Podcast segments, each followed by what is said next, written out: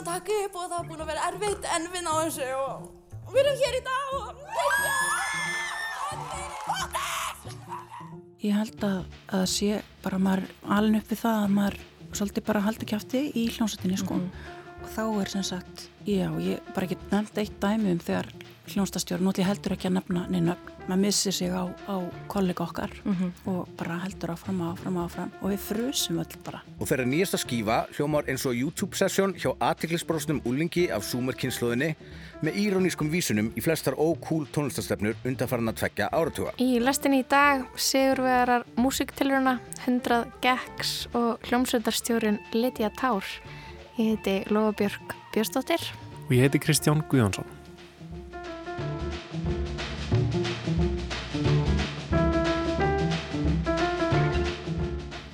Já, það verður mikið um tónlist í lestinni í dag. Kvikmynd sem fjallar um klassiska heiminn, sigurvegarar músiktilruna og svo fáum við tónlistapistil frá Davy Rhodes. Nákvæmlega, mikið af tónlist. Eh, Já, Davíð ætlar að fjalla um bandaríska duettinn 100 Gags sem að eh, hefur vakið aðtegli í svona undarfærin ár. Ég fyrir svona einhvers konar, ég veit ekki hvað þetta er, hyperpop, eitthvað svona rosalega internetvætt tónlist sem að blandar saman tónlist úr ótrúlega ólíkum áttum og svona leikur sér með kaltæðinni, íroníu mjög mikið og hérna svona mjög hallaræslega tónlist á vissan hátt en á sama tíma ógeðslega töff. Ok, bara vá, að- eins og ef internetið verið hljómsveit. Nákvæmlega og já, semst, hann ætlar að uh, rýna í aðverra breyðskíu þessar hljómsveitar. Það er undir lokþáttarins en um, við ætlum líka að heyra um uh, bíómynd sem að fjallar um tónlistar konu. Já, svaka tónlistakonu. Eh, Kveikmyndin Tár hefur vakið tölvera aðtikli en það svona viðfarsefni sem er alltaf í deglunni, eh, kynferðisofbildi og þöggun. Eh, Kate Blanchett leikur sem sagt hljómsveitastjóran Lydiu Tár. Hún verður uppvís af því að beita ungar og efnilegar tónlistakonur kynferðisofbildi og við ætlum að krifja þessa mynd og skoða hliðstæður í, í raunveruleikanum með tveimur manneskjum sem að þekkja klassiska heiminn mjög velt tónlistakonurnar Þordís Gerður Jónsdóttir og Una Sveinbjarnadóttir þær fóru báðar í bíó á Tár og uh, voru hrifnar Já, þetta er mynd þar sem að Hildur Guðnarsdóttir gerir tónlistina, ekki satt, jú. En við ætlum að byrja hérna heima, við ætlum að byrja á músiktilrunum. Er fóru fram í síðustu viku og kláruðust á lögadagskvöldið. Það var mikið um dýrðir eins og vennilega, mikil gróska. Um, ég ætla nú ekki að fara að tellja upp alla sem að, sem að unnu, unnu verðlaun en, en kannski bara svo, við höldum því til að haga þá var það Marsipan sem var valin hljómsett fólksins. Höfundaverlun um, félags tónskálda og textahöfunda hlaut hljómsveitin Dóra og Döðlunar hún lendi líka í þriðasæti í öðru sæti var poptónlistamæðurinn Torfi. Og svo skulum við heyra hver lendi í fyrsta sæti Og sigurvegarar músíktiliruna 2023 eru Fókus. Fókus. Halló, Hæ, halló heyrðu þið vel? Já, ég heyri ykkur til hamingju með sigurinn Takk fyrir. Eru þið búin að ná ykkur niður eftir helgina? Nei, þetta er ennþá, þetta er svo surrealist, sko, við erum, ég er í sjokk hérna. From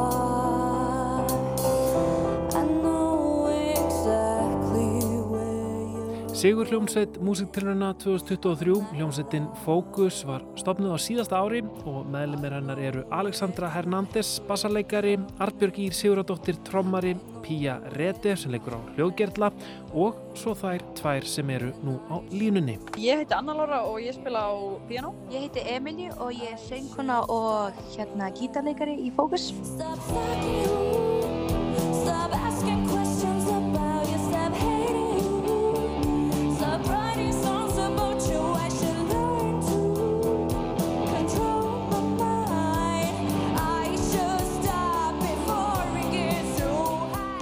Hvar eru þið standar núna? Við erum á höfn. Við erum bara, hérna, út í bílskur heimi á mér að spjalla við þig. Hvernig, hvernig er helgin búin að vera svona eftir að þið hérna, komið heim? Gekkið. Já, það eru, maður bara, að þetta er svo lítið samfélag, sko, það er svo gaman maður fyrir út í búð og maður bara, það er allir áskomann til hamingju og það vilja allir alltaf besta fyrir mann. Þetta er mjög, svona, þetta er, þetta er alveg ótrúlega skrítið, en samt mjög gaman. Og hvernig var svona að, að taka þátt? Voruð þið, voruð þið svona sigur vissar? Voruð þið hérna, grunaði ykkur að þið myndi vinna þetta? Nei. alls ekki. Við vorum bara hana til að hafa gaman og bara prófa að spila Mhm. og ég meina við vildum auðvitað vinna en við vorum ekki við vorum ekki eiginlega svona Nei, við erum náttúrulega ekki búin að æfa saman, þú veist, jafn lengi og margir aðrir sem voru að taka þátt og svo líka sko byggust við ekki við því að vinna út af því að við komumst ekki einu sinni áfram af okkar kvöldi, veist, við vorum svona, við komumst áfram svona sem wildcard bara eftir öll kvöldin. Mhm, Já, emmi. Þannig að þetta var alveg, þetta kom á óvart, sko. Já, þannig að þið, þið eftir að kvöldinu ykkar laug þá heldur þið bara að þið væru, væru búnar í, í keppninni þetta árið. Já, í rauninni.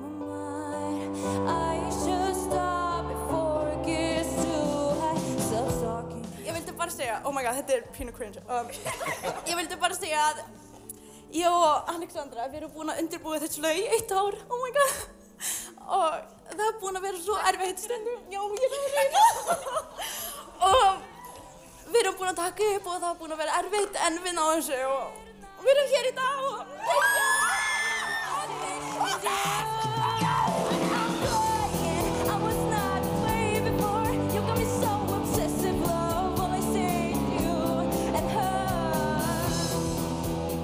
við ákveðum að spila á músildurunum fyrir ár og þá byrjum við að semja saman og við sendum þessu lög og svona. Og þá byrjum við að týna inn hérna hljófæraleikarar og fólk til að sem vill taka þátt í þessu og já. Þessu lög eru þið eru svolítið gömul samt. Blink Ones til dæmis er hvað tvö ára gamalt og Stalker er eitt ár það er bara langt síðan en þetta var bara svona hugmynd sem ég fekk og, og svo bara ákveða að nota bara svona halda áfram að semja og sjá hvað hvað kemur út af þessu En hvað er þið búin að vera að spila lengi saman? Byrjum ekki svona í nóvember, desember. fjóra mánuði, Já. mánuði svona fjóra mánuði Já. cirka Og hérna, er þið búin að spila, spila mikið á tónleikum og svona, eða, eða hvað? Sko, við erum alveg búin að spila á nokkrum stöðum og sérstaklega svona með hvað þetta stuttur tími, þá erum við alveg búin að fá góða æfingu á því að vera á sviði, sko. bluesháttíð og svona Já, við spilum á bluesatið og svo erum við búin að spila á einhverjum tónleikum og uh, og svo erum við búin að spila á menningarháttíð hér og eitthvað svona. Það er nú ekki svo að séu margar hljómsveitir hér þannig að við erum, það er alveg öll fyrir okkur að fá gig.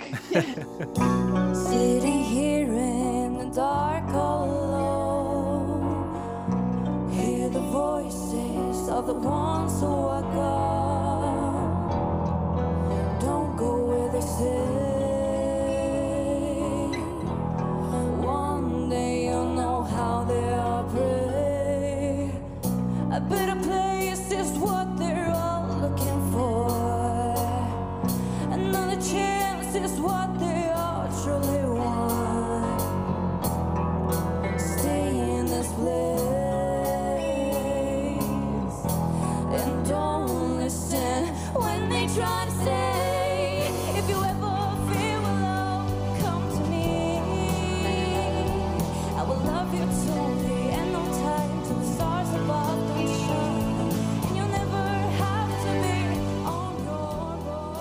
við erum fjórar á höfn og síðan er trómarinn okkar frá Selfossi Hún tekur strætó og svo höfum við stundum líka kert söður. Hva, hvað, hvað tekur langa tíma að taka strætó frá Selfossi til Hafnar? sjö tíma Já, eitthvað 6-7 tíma. já Og takið þá bara eitthvað svona hérna, heila helgi eða hve- hvernig, hvernig Já. gerir þetta? Hún er alltaf að fara Já, fram og við tilbaka. gerum það. Já, hún kemur heim, við, við förum bara strax að æfa. Greið hún, verður svolítið hún er, og já, einu sinni til dæmis, einhvern tíma kom hún kom á fimmtudegi og við æðum um kvöldið og svo spiluðum við á tveimur mismunandi stöðum á föstudeginu sko, sem sagt bara gig og svo líka á lögutaskvöldinu og æðum svo aðeins á sunnudeginum og svo fór hún bara heim. Þannig að þetta, er oft mikið kersla sko Já. þegar við erum að æfa. Vá, hérna, hún ætti bara að fá eitthvað svona sérverlun fyrir Já, þetta. Um, en hérna, en segið mér, uh, hver er svona, hver er ykkar bakgrunnur? Hérna, uh, eru þið, þú veist, e- eru þið allar tónlistaskóla mentaðar eða, eða hvernig, hvernig svona komið þið saman og, og, og hvaðan komið þið? Svona Við erum hérna, ég var í tónskólanum í, hvað, sex ár. Ég lærði á fransk horn. og ég byrjaði bara að syngja líka og læri á píanó og svona og svo er, Já, uh, ég var, ég lærði að klassísk piano í sex ár og, og við Emilí og Alexandra vorum veist, allar saman í tónskólanum, hún lærði á þerflötu og síðan veit ég að Abba, hún lærði á trommur, ég veit ekki, hún er ennþá að æfa á trommur sko, ég veit ekki hvað hún var lengi eða hvað hún er búin að vera lengi. Og síðan er Pía búin að læra á piano í svona kannski tvö ár eða eitthvað. Mhm.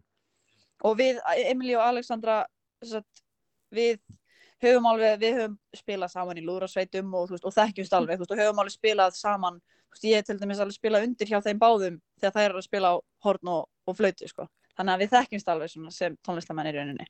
Og eru, eru þið ennþá að, hérna, að læra eða, eða eru þið bara búin að hérna, segja skilið við, þú veist, franska hotnið og, og grípa ramaskítarinn bara alla leið? já, ég nenni ekki að æfa. Veistu hvað, þetta er bara svo erfitt hljófæri. uh, nei, ég tók hérna miðpróf í fransk horn og svo var ég bara komin nóg og byrjaði að semja og fannst það skemmtilegra. Mm Ég kláraði líka miðpróf á, á piano og er síðan bara núna í þessu. Þið mitt. Hérna, en, en segið mér um, þessi tónlist sem þið eru að spila, um, svona, svona tilfinningin sem ég fæ er svona einhvern veginn svona, ég veit ekki, svona 90s ameríst rock. Hva, hérna, hva, hvert eru þið svona að horfa og hvað hérna, hva eru þið að hlusta á og, og, og fíla og hvert, hvað eru þið að gera í tónlistin ykkar? Já, þetta er, þetta er það sem okkur langar. Já, Gott að þú fær þessa tilfinningu að því þetta er einmitt það sem við viljum. þetta er svona svolítið stefnan, sko. Já, En uh, við erum með, sko, við erum alveg með mjög breiðan tónlistasmekk, sko. Uh, við, ég til dæmis hlusta eiginlega bara á svona 50s, 60s og svo er Pía í svona 70s, 80s og síðan, síðan eru þið, já, við hérna, ég og Alexandra við hlustum mikið á svona, svona Muse, svona 2000. já, svona late 90s, early Já. 2000s, Já, svona hljómsveitir. Og hérna, mamma mín, hún elskaði Evanescence, það er hljómsveit, amerísk hljómsveit og aðalsönguna heitir Emily og það er nafnum mitt. Ok. Þannig- Þú heitir bara í höfuð á mjög- henni. Já, See into my eyes like open doors. Já, þó hljómsveitin Fókus sé hornfyrsk og með trommara frá Selfossi, þá eiga þær víða rætur að rekja. Söngkonan Amelie, hljóðgerla leikarin Pía og bassaleikarin Alexandra. já, hún er hérna har bandarís. Já, Já, en eh, hún stund ekki upp hér samt. hún ólst upp hér, hún fættist í bandaríkunum, Já. held ég. Mhm. Og hún, já, hún ólst upp hér. Amelie, hérna, er þú ekki fætt í Brasilíu eða hvað? Jú, ég er upprunalega frá Brasilíu. Ég kom til Íslands 2013 og við komum eiginlega að því pappi fekk vinnu sem tónlistakennari hér í tónskólanum hér á Höfn og já, hvað er sagan? Var það ekki sérstætt að flytja frá Brasilíu til Það var, Hafnar? það var mjög sérstætt, það er bara mjög öðru sig og bara, Mhm. bara completely, bara, bara alveg ekki, ekki mjög líkt. Já. En, en, en þú er greinilega svona smollið vel inn í, inn í samfélagið. Já, já, Mhm. já. Þegar maður er í tónskólanum og við erum hérna, fólk spyr okkur um að spila og við erum alltaf tilbúnar og bara það er ákveðin svona respect. Uh. Við erum rosa heppin með tónskólan Já, hér, sko. Við viljum einmitt líka nýta tækifæri til að bara þakka tónskólanum og Jóhanni Móravek sem er skólastjórinn Já. bara fyrir, þau eru búin að vera mjög hjálpleg og þetta er rosa, þetta er, þetta er mjög sko flottu tónskóli með við hvað þetta er lítið samfélag. já. Og, og, og svo eru þið búin að hérna, uh, já, veiða inn þarna skiptinema frá Þýskalandi eða ekki? Jú, Hún Pía, já, sem spilar á Sint, Mhm. hún hérna, hún kom til okkar á höfn í, janúar. já, janúar, Já, tók, eftir byrjaði bara þessari önn. já. Og, hún hafði áhuga og við vorum bara, já, please. Já, það finna er sko út af því að við erum líka hérna, við erum í framhaldsskólanum hér og, og það er svona klubbastarf í honum og, og við getum sko, við erum líka að fá einingu í skólanum fyrir að vera að hittast og æfa og svona. Ah, og, og hana vantaði þessa einingu þannig að það var eiginlega svolítið þess vegna sem hún sko spurði hvort þú mætti vera með. Og svo endaði það bara svona. Mhm, Já, hún sá kannski ekki fyrir sér að, að verða hérna, landsfræk á, á Íslandi. Nei, ég veit ekki hvað margir skiptir að maður hafa verið í fyrsta seti í músitilunni Hérna, um, þið fengu alls konar verðlaun, hérna, þið eru þá bara að fara að spila á Aldrei fór í söður, eða ekki? Núna, Jú, Jú, hvernig leggst það í ykkur? Það verið mjög spenntar já, við erum mjög spenntar. Og hvað hérna, hvað, veist, nú er þið örgulega bara svona rétt að, að melda þetta, en, en hvernig svona, hvað, hvert stefnið þið núna? Hvað, hvað er á döfinni? Hvað ætlið að fara að gera núna? Uh, það sem er, fyrst og fremst núna erum við bara einbyttið okkur að aldrei fór í söður og svo eigum við eftir að, að því við fengum náttúrulega hellinga vinningum fyrir fyrsta seti eins og stúdíótíma og einhverjar spila á fleiri tónlistarhátíðum. Mhm.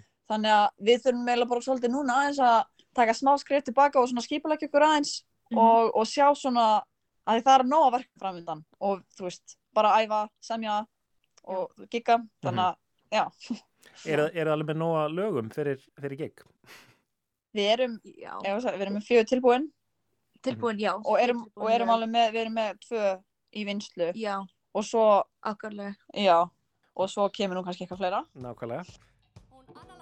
Bara að taka þetta í mústilunum, þetta var ótrúlega lærdomsríkt og ótrúlega skemmtilegt. Það var rosalega mikið af, það var rosalega mikið af flott tónlistafólki hana og, og þetta var mjög góður svona grundvöldurinn til þess að kynnast fleirum sem eru í þessu og svo viljum við líka þakka bara öllum styrtaræðunum okkar hér heima fyrir að hjálpa til í ferðarkostnað og svoleiðis. Já, að- já, þið fóruð í það að, að fá, fá bara styrki heimafrá. Já, til þess að geta ferðast sko og æft saman. mikið. Já, út af því að hún býr náttúrulega á Selfossi, Abba. Og ef við hefðum ekki getað æft neitt, þá hefðum við getað unnið. Bara hérna til hamingju og, og takk fyrir spjallið. Takk sem leiðis.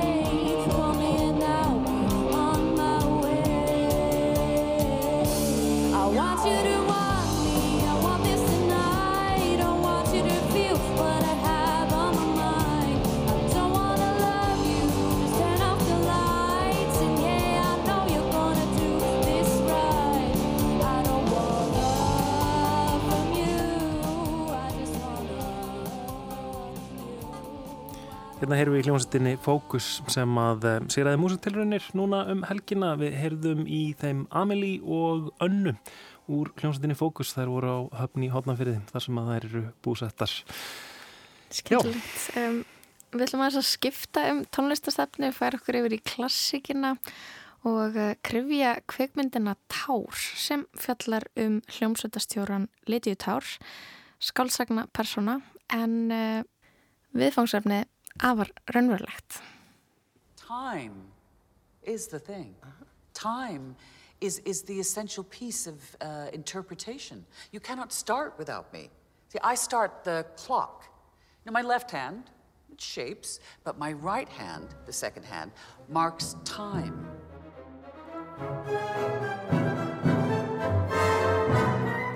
Kvikmyndin Tár, skrifuð og, og leikstýrt af Todd Field, fjallar um hljómsveitastjóran Lydiu Tár, leikinn af Kate Blanchett og svo er tónlistin í höndum Hildar Guðnadóttur.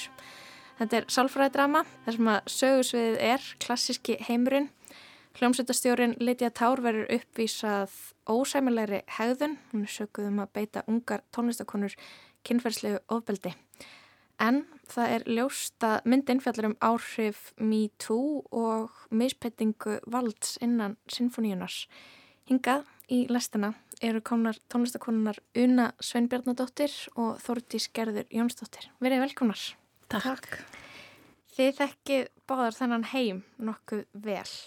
Uh, já, ég hérna heiti Una og ég er fyrirleikari og er sem sé búin að vera í hljómsettum bara frá því að ég var barn. Ég byrjaði í Sinfónljónst Æskunar á sínum tíma því ég var bara 11-12 ára og hef spilað með Sinfónljónst Íslands frá því ég var í fjórðabæk í MR á öðru ári. Ég tók, tók svona aukamanna pröfuspill þar og, og hérna ég er konsmestari Kammersetta Reykjavíkur líka og er í strók kvartettinum Sigga sem er, Siggi er strengja kvartett, tvær fylur, víóla og selló. Já, ég sem sagt er selvoleikari og ég kannski kem aðeins úr annari átt um, í þess að hennan sinfoníu heim. Ég hérna uh, lærið semst alltaf á selló þegar ég var krakki og svo einhvern veginn fannst mér svolítið erfitt að, að vera inn í svo svona fastmótuðu hefðum sem klassikinn stundum hérna gerir kröfu um. Þannig að ég fór að læra jazz á tíðanbili og fór í háskólan að læra hjúkurnafræði og starfa líka sem hjúkurnafræðingur. Og svo fekk ég aftur áhuga á að spila klassika músík og fór í lista áskólan og var svona í eldri kantinum. Hérna, þó svo að ég hafi ekki verið nema 23 þá heyrðum maður oft svona já ok, þú ert nú svona aðeins. Á gamals aldri. Á gamals aldri. hérna. að koma þér inn í þetta. Einmitt og svo fór ég aðeins og lærið smá líðheilsu og hérna hef verið að vinna uh, á Batnarspítalunum sem hjókunarfrængur og síðan fór ég master í Sello og kom þá svolítið svona að meira hérna, svona meira kannski reglulega inn í sinfoníu heiminn mm. Helst hér á Íslandi aðeins og í Danmörku líka þar sem ég lærði. Mér finnst ég oft hafa svona smá gests auga inn í þessu umhverju og, og, og mér þykir hérna, það kannski er að bera saman eplu apelsínur en, en að því að ég lifi og hrærist í þessum tveimur heimum kannski, þá finnst mér hérna, mjög oft gaman að bera saman svona starfsanda og starfshefðir annars vegar á bráðamáttöku það sem ég vinn, það sem er oft mikið í húvei og svo í sinfoniljónstum það sem stundum upplifum maður eins og það sé líka líf í húvei þó það sé kannski ekki alveg þannig alltaf. Þannig að já, ég er svona pínu underdog finnst mér hérna í þessum klassíska heimi. However, unlike a clock, sometimes my second hand stops, which means that time stops. Mér finnst þessi mynd frábær og alveg, mér finnst Kate Blanchett eiga stórleiki í þessari mynd. Mm. Uh, frábært handrit og hún, er, hún tekur sinn tíma þessi mynd líka, hún er laung og en mér leiktist ekki eitt andartak, mér finnst tónlist hildar alveg frábær í rauninni senuna sem er verið að lýsa þarna eins og masterclassin í Juilliard þar sem að verið er að pakka saman einum nefnda. Mm. Það er eitthvað sem að flestir minni kynsluð kannast við að hafa horfið upp, hort upp á bara hérna í skóla og þetta þótti bara öllett sko. Mm. Where are you going? You're a fucking bitch. And you are a robot. I mean, unfortunately, the architect of your soul appears to be social media.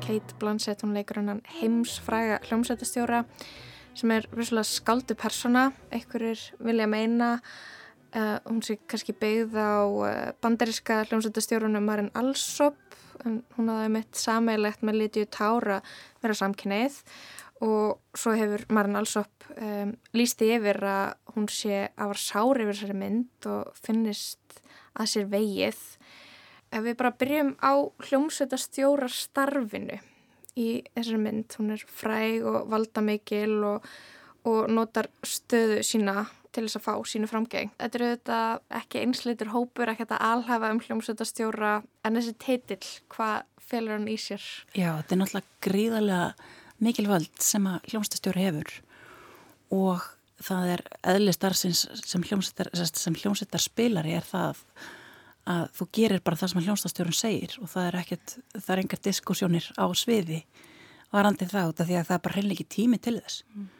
hljónstastjórun kemur og hann hefur alltaf loka orðið og eins hérna koncertmestarin hefur líka mjög mikil völd og hérna þannig kemur fram sérst í myndinni að hún, hún það er konunar sérst kon, koncertmestarin og þegar hún kom fyrst sem gesta hljónstastjóri þannig í, til Berlínar í myndinni þá, þá sagt, spyr hún hérna konstantmestaran þess að hún er ekki enþá að byrju með mm. hvernig hún er að komast í aðaljónstastjóra stöðuna og hérna Svona auðvitað mikið, mikið pólitík Já, emmitt, mikið pólitík og, og þetta er vel gert sko. Það er hérna margt í þessu sem að maður kannast alveg við.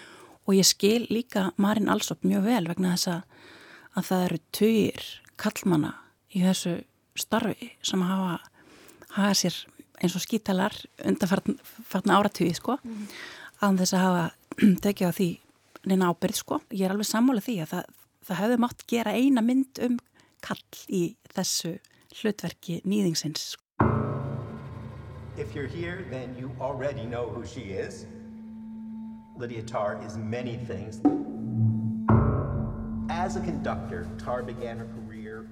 Þetta starf sem hún fær hún er þá uh, hljómsveitastjóri í Berlínar fílharmoníunni er ekki eitthvað munur á fílharmoníu og symfóníu? Nei, það er engin munur þar á nema bara nafnið sko Mm.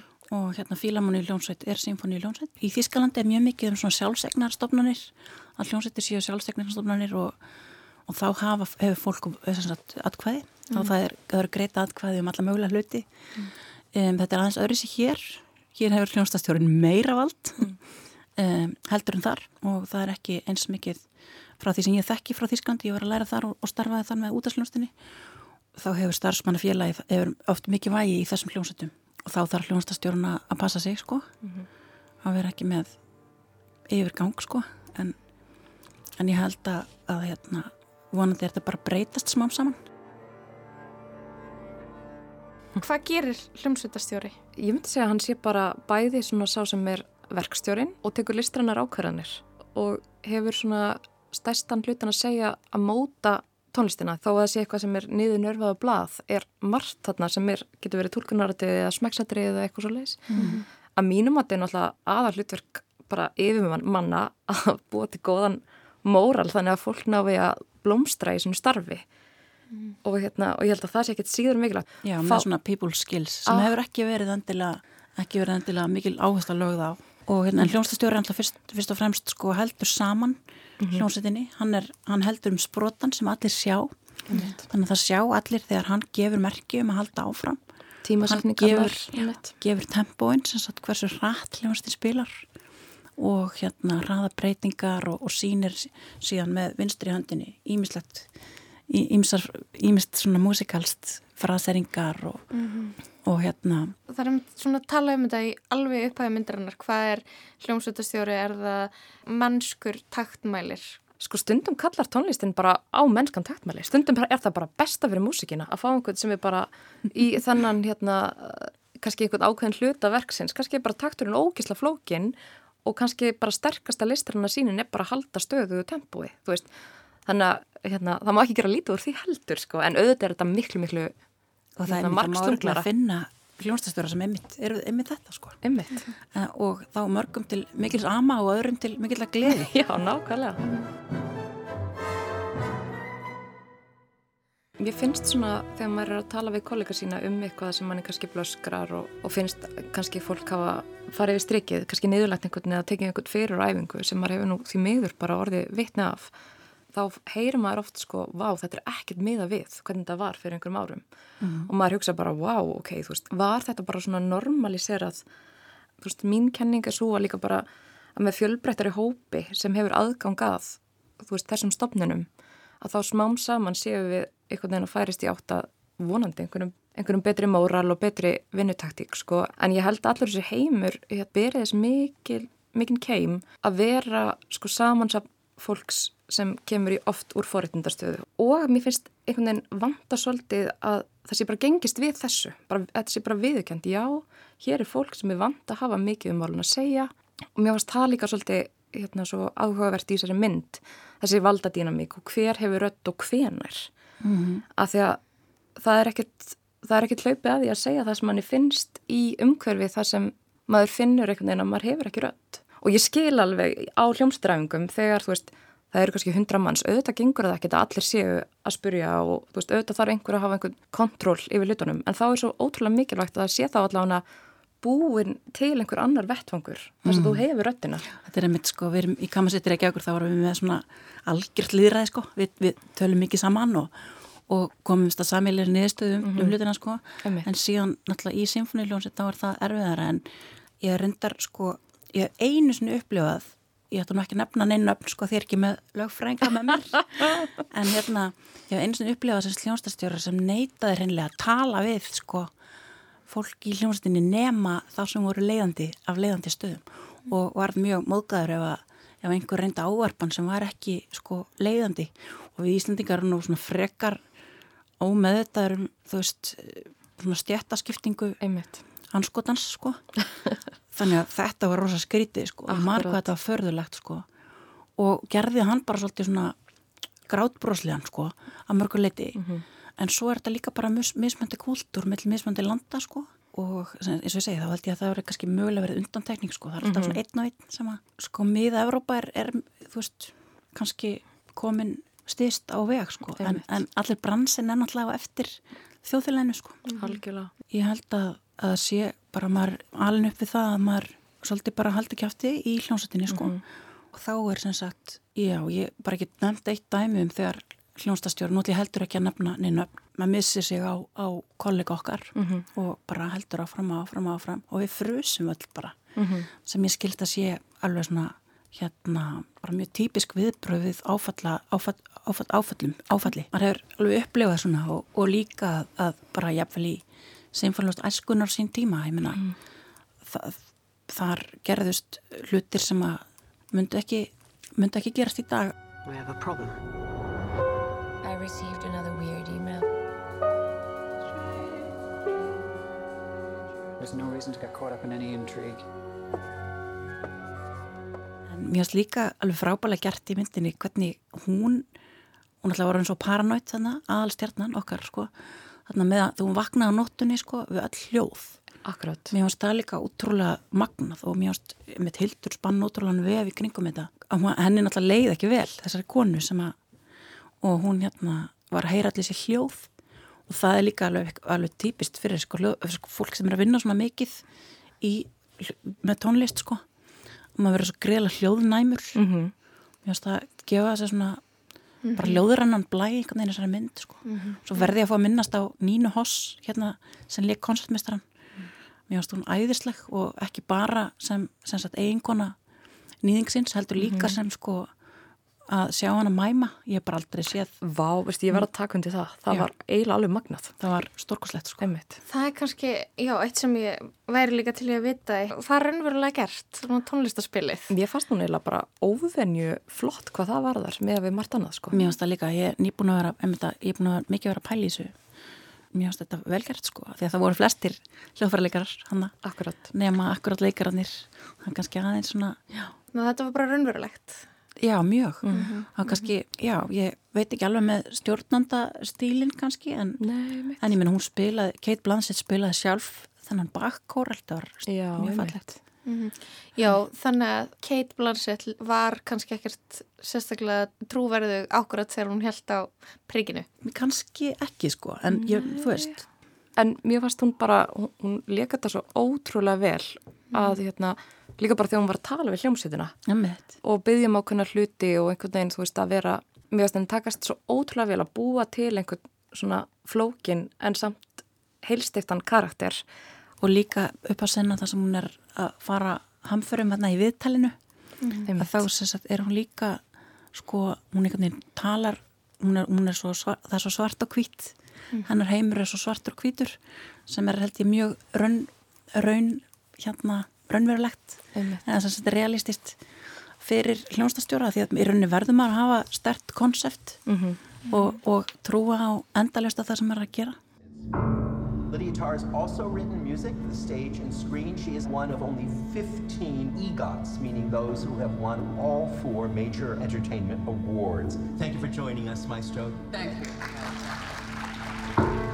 En svo fannst mér einmitt þessi upp á sena það sem er svolítið verið að fara svona yfir ættfræðina veist, hver, hérna, hver hafa sami verk fyrir hana, hver, hjá hverjum lærið hún og eitthvað svona.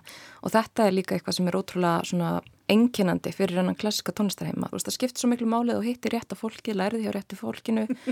Og svo, þú veist, og svona hvað þú hefur gert kannski bara upp á þitt einstami, hver er svona þín einstaka rödd? Kannski hefur ekki alveg þótt jafn flott og bara með hvaða nöfnum þú getur skreitt þig. Maður sér hvaða með, líka hvaða rosalega virðingu og í hvaða hetju ljóma hún er sett. Þannig að auðvitað er þetta skilabóðin sem hún fær frá umhverfinu. Þú ert æðisleg, það er nánast ekkert sem þú gerir sem getur verið rá. Já, þetta er náttúrulega emitt, þetta er svona, þetta er svona súper yfirmaður, þannig að ef að hann reynist vera síðlaus, þá er það, þá er það ótrúlega vondar fréttir fyrir rosalega mikið fólki sem að Mhm. kannski er bara hérna fótgöngulegar. Hvernig finnst ykkur klassiski heimurinn hafa bröðist við MeToo?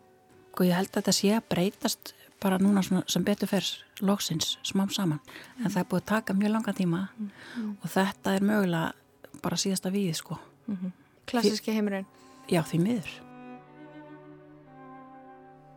ég vil koma aftur að þessu með sko hvern hljónstastjóra af því að það er svo ofbóðslega stutt síðan konur fóru að stjórna hljónsetum og það er, það er sko magnað að sjá hversu margar núna eru komnar og gera þetta sko. Þær sem eru elstar, ég hlakka svo til það þær voru svona áttrar, kannski eru þær svona um 50 núna margar.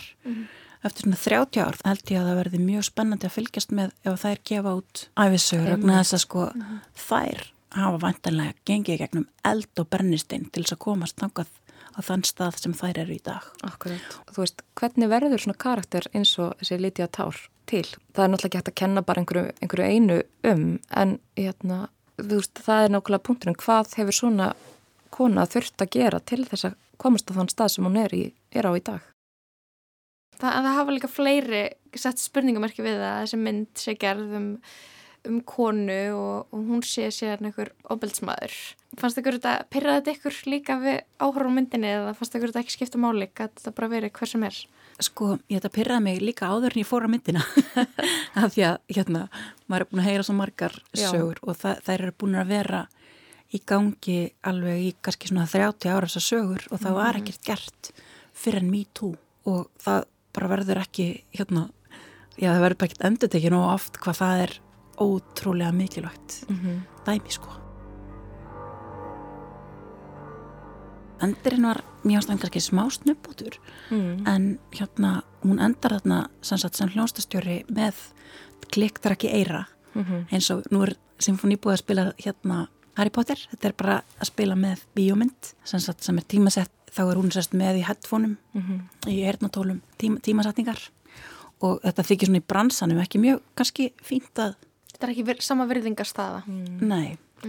Mér fannst svo aðteklisvert bara svona hvað gerist ef við tökum hetjuna eða snillingin og setjum hana í annað umhverfi. Hvernig er hún þá áfram hetja eða snillingur? En er þetta ekki svona, svona mesta niðurlægingin að enda í þessu geggi? Við erum búin að missa allt annað og enda þarna. Er það ekki svona Nú erum við, við þórtið sörglega allt of ís, íslenskar og eitthvað, okkur myndur ekki finnast það bara geggjað að fá svona gegg sko. einmitt. en, En svona fyrir, ha- fyrir eins og manneski hennar stöðu sem eru mitt bara skreiti sig með ferilskráni og uh, flýgur á engaþótum og á stórkurslegt hús og sérsmið jakkaföt og uh, bara allt, allt flottast Já. og fínast og enda þarna Jú, í ykkur svona En það sem ég fannst líka svo skemmtilegt við þessa loka senu, það sem eru tónleikar og, og fólkið í salnum er í einhvers konar búningum örgulega í stíl við myndina sem hefur verið að sína eða eitthvað svo leis. Og mér fannst það pínur hressandi að þarna var hún ekki númerið. Þú veist, heldur var það myndin og tónlistin sjálf. Þú veist, ekki personan og ég held að klassíska senan sé bara alls ekki svo eina. Það er svo bílaðslega mikil personudýrkun og bara, þú veist, stundum bara nóg, nóg að sagja okkur, já, þessi upptaka, já, það er þessi, það lítur að vera alveg geðveikt, sko. Einmitt. Og kannski, kannski bara stundum mættu við hugsa meira bara hvað er efni viður innihaldsins, inntak tónlistarinnar eða listarinnar, hvað sem það er, Mhm. frekar heldur en mannskjötnar sem eru einhvern veginn að standa fyrir því eða standa í frontinum. Er fólk að mæta á tónleika til að sjá okkur nákvæðin hljómsveitastjóra? Já, bara, þetta grínast. Þau eru aðalnúmerið. sko, uh, Og- hjá sumum örglega, Já. alveg örglega sko og hérna, já ég ég, þegar ég var að læra í Berlín þá var Claudio Abato hérna aðljónstastjóri hjá Berlínar Filharmoniken og, og þá sem sagt var hann kom hann alltaf eitt bara þegar hljónstíma farin út af sviðinu sko, það, og honum var fagna bara eins og rockstjörnu sko. Mhm. og ég held að, að hérna, þessar hljómsettir náttúrulega sem eru með svona til dæmis bara að finna eftir mann hans, ef, þú veist, þetta, er, þetta er svo svakalegt sko. Það er, ég, það er allan að mín reynsla þeir hljónstastjóra sem mér finnast snjallastir, þeir Mhm. hafa alltaf verið ótrúlega kurtisir og, og bara vilja náttúrulega fá það besta út úr öllum, þannig að öllum líði náttúrulega í, í lokin er þetta spurningum að öllum líði bara sem best á sviðinu Nákvæmlega. af því að þetta er gríðarlega mikil pressa á fólki og þetta er alveg rosalega nákvæmnis vinna á æfingum með symfóniuljónsettinni þá er þetta eins og þessu hefur verið líst eins og að þræða nál Mhm.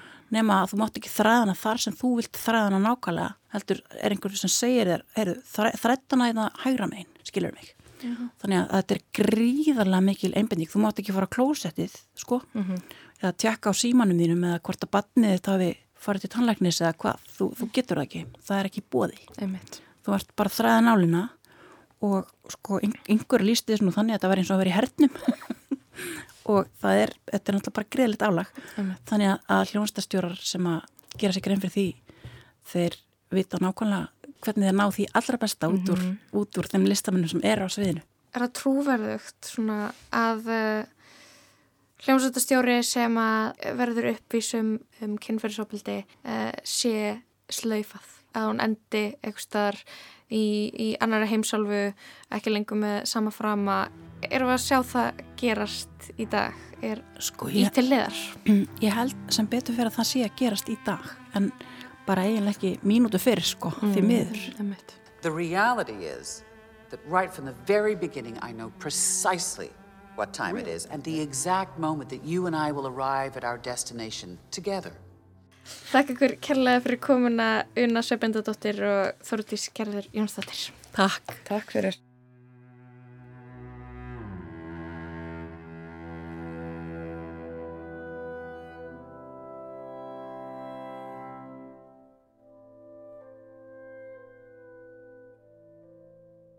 Og úr klassiska heiminum ætlum við að halda yfir í allt, allt, allt annars konar tónlist. Davíð Róts Gunnarsson tekur við.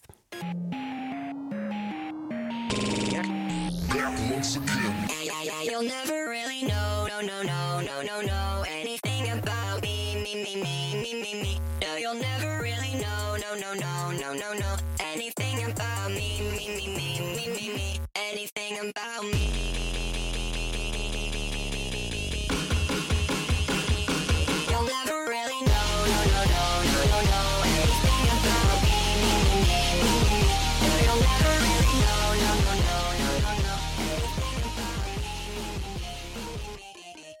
Á dögunum kom út önnur breyðskifa bandarinska hyperpop-bandsins 100 Gags sem nefnist einfallega 10.000 Gags.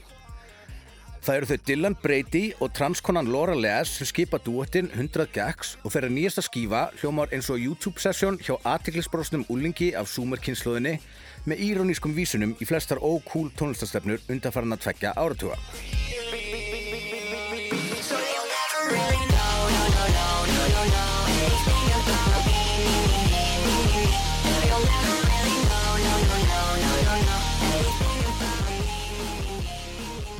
Á skífinu ríkir anarkískur trillingur sem engu eirir og vonlaust er að sjá fyrir hvert stefnir, hvar hann endar eða hvaða tónlistastefnur hann innlimar á hundavaði á leiðinni. Það er sjaldan stoppað við hvert geira lengur en kannski 20 sekundur og kaotískar skiptingarnar eru handan allarar hefðbundunar smekkvísi. Við valhoppum frá reggitöktum yfir í stafrænt skruðningaþungarokk með autotúnuðu rappi og leikskólasöngli yfir í raspjárnað emo-rock, suppulögt eurotekno og skamlausan númetal.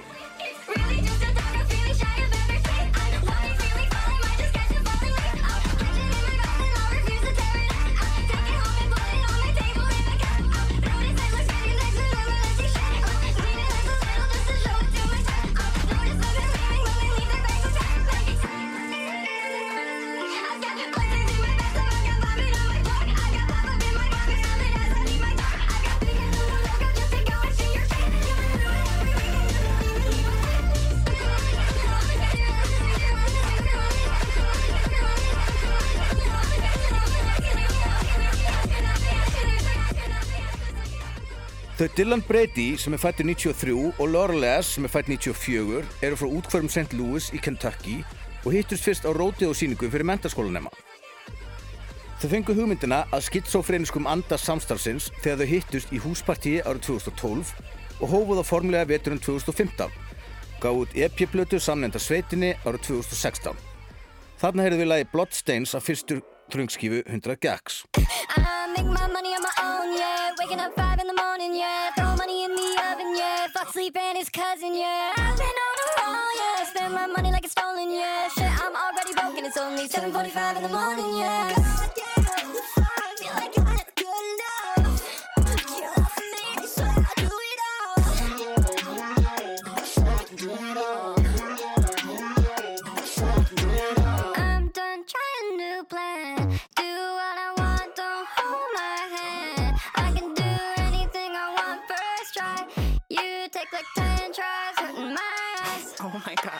Bad shit, dark check and expensive.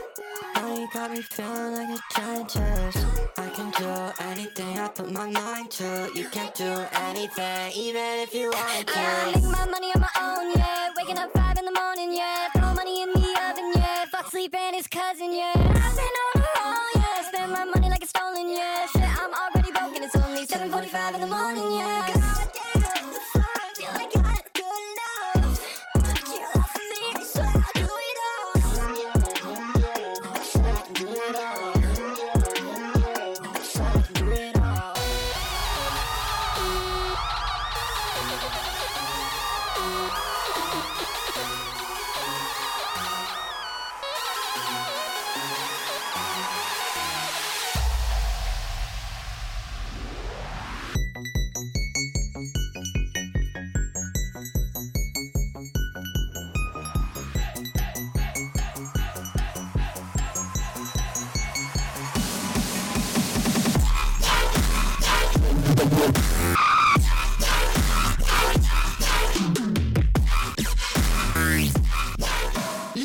Fyrsta breyðski á duetsins kom út vorið 2019 og bætti við einu nulli við titil hljómsveitarinnar og hefst á kolklikkaða banganum 745 stykki sem tekur skyndilega handbremsubeigju sem endar í gallherðum dubstep skurði með svíverðalegu droppi hálfa leið í gegn. En það þó varla dropi í úthaf af skitsofreniskum og harkalegum skiptingum á plötu sem hefur álíka mikla aðtikliskofu og húsafluga. Tónlistin sem 100 gegns framræða er yfirgengilegur hrærigrautur af því helsta úr pop-landslægi samtímans og síðustu áratuga síð í gegnum einstök siktir setakynsluðar sem dettur meðal annars í innblásna nostalgíu fyrir ringitónum GSM síma.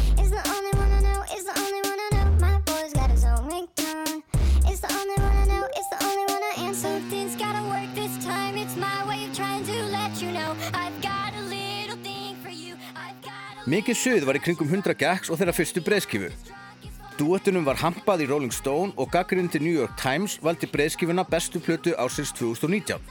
En hún rataði einnig ofalega á áslista hjá Noisy, Crack Magazine, Pitchfork og Stereogum. Ári síðar var svo gefin út endur hljóðblöndunarplatan Thousand Gags and the Tree of Clues þar sem meðal annars PC Music sprautan A.G. Cook kom við sögu, auk popdífunar Charlie XCX, bandarísku rocksveitarinnar Fall Out Boy og eistneska rapparans Tommy Cass.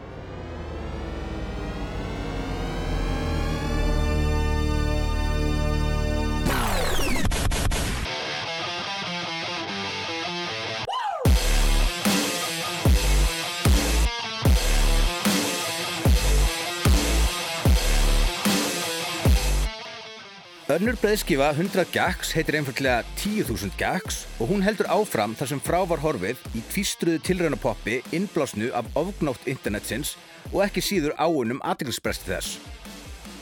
Heilt yfir hljóðheimurinn aðeins vandaðri og heiltstæðri en á fyrirskífinni. Það sést minna í saumanna milli ólíkra efnisbúta en áður. Og þetta er raun strax gefið í skinn með því að byrja plötuna á THX Dolby Digital hljóðinu sem fólk þekkir úr bíó. Í grunninn er þetta þó bara pop og lög eins og Hollywood Baby, Me Me Me Me Me og Doritos and Fritos sem við skulum hlýða á næst renna lóðbeint á gólfið á lögadagskvöldum.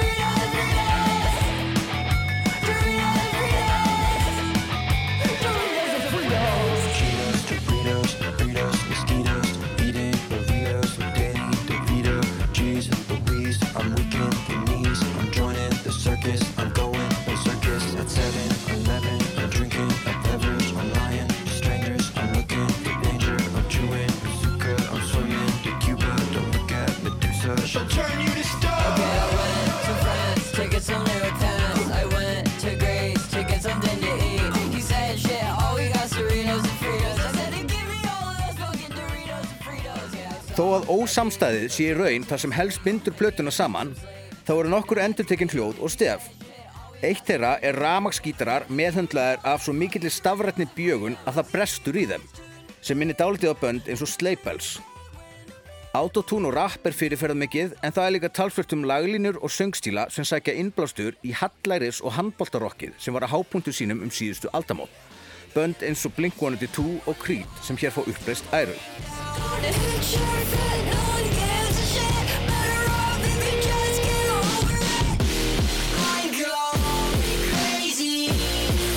Going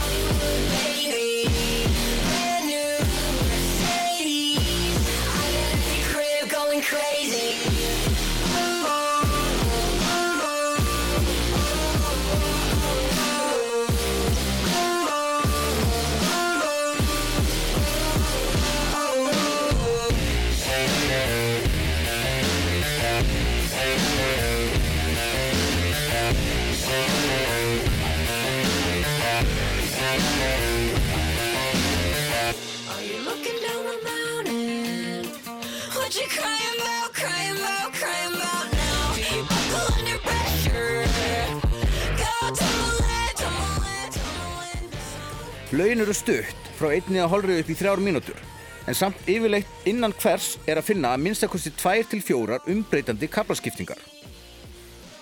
Hér er allt á floti í ungaðislegum galsa og avantgard mennsku en á sama tíma óskamfylnum tilvísunum í meginströmspop sem virka einhvern veginn bæði einlagar og irónískar.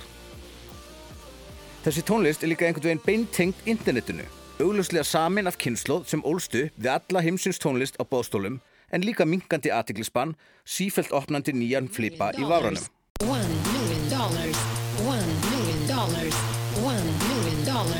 One million dollars.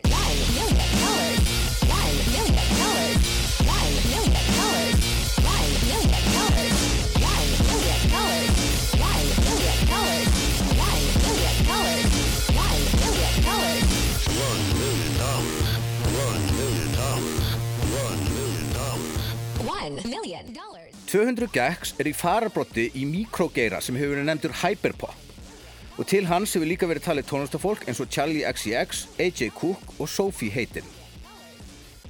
Hyperpop er stórkostlega ykt og maximalísk sín á poptónlist sem leggur áherslu á gerfileikan, ef svo má segja.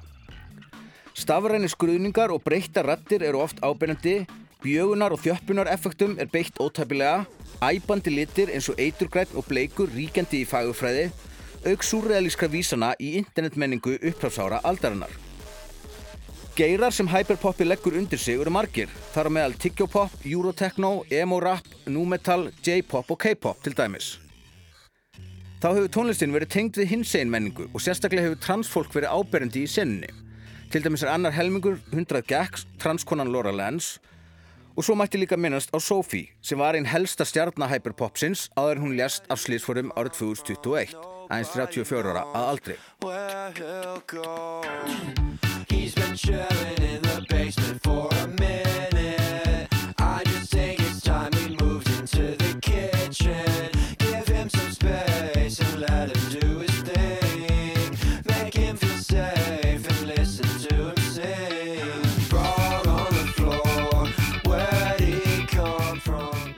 Það tengis mögulega þessum gerfileika sem hýperpoppið hampar svo mjög. Svo hugmynd að allt sé mótanlegt og breytingum háð. Líka andlit, líkamar og kynverund fólks. Sem sé svo auðvitað frjálst að breyta og tvíka allar hliðar tilverunar í eilífri leit að sjálfi og hönnun á sjálfsmynd. Því ef allt er gerfi þá er rauninni ekkert feik. Og það sem er alvöru er einfallega það sem er eins og þú vilt hafa það akkurat þá stundina.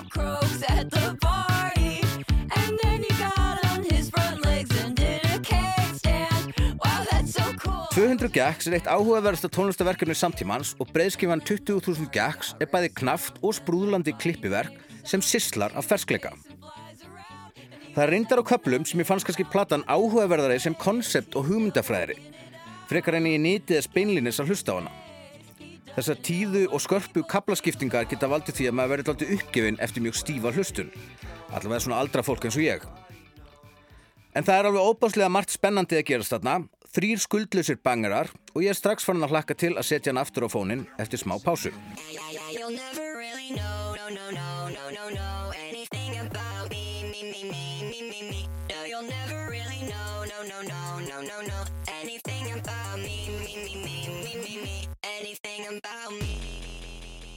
Læðið Mí Mí Mí með hljómsveitinni 100 Gex, þetta var hann Davíð Róts Gunnarsson sem sló botnin í þennan lestar þátt.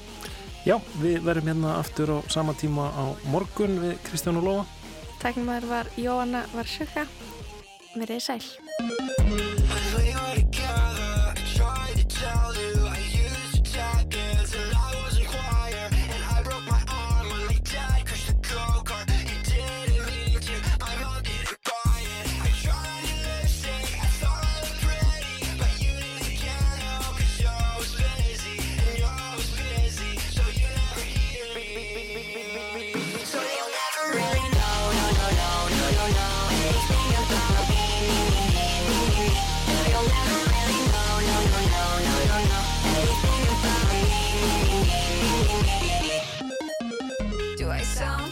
Joke when I'm talking to you? I take it back quick and I'm not like true Cause you say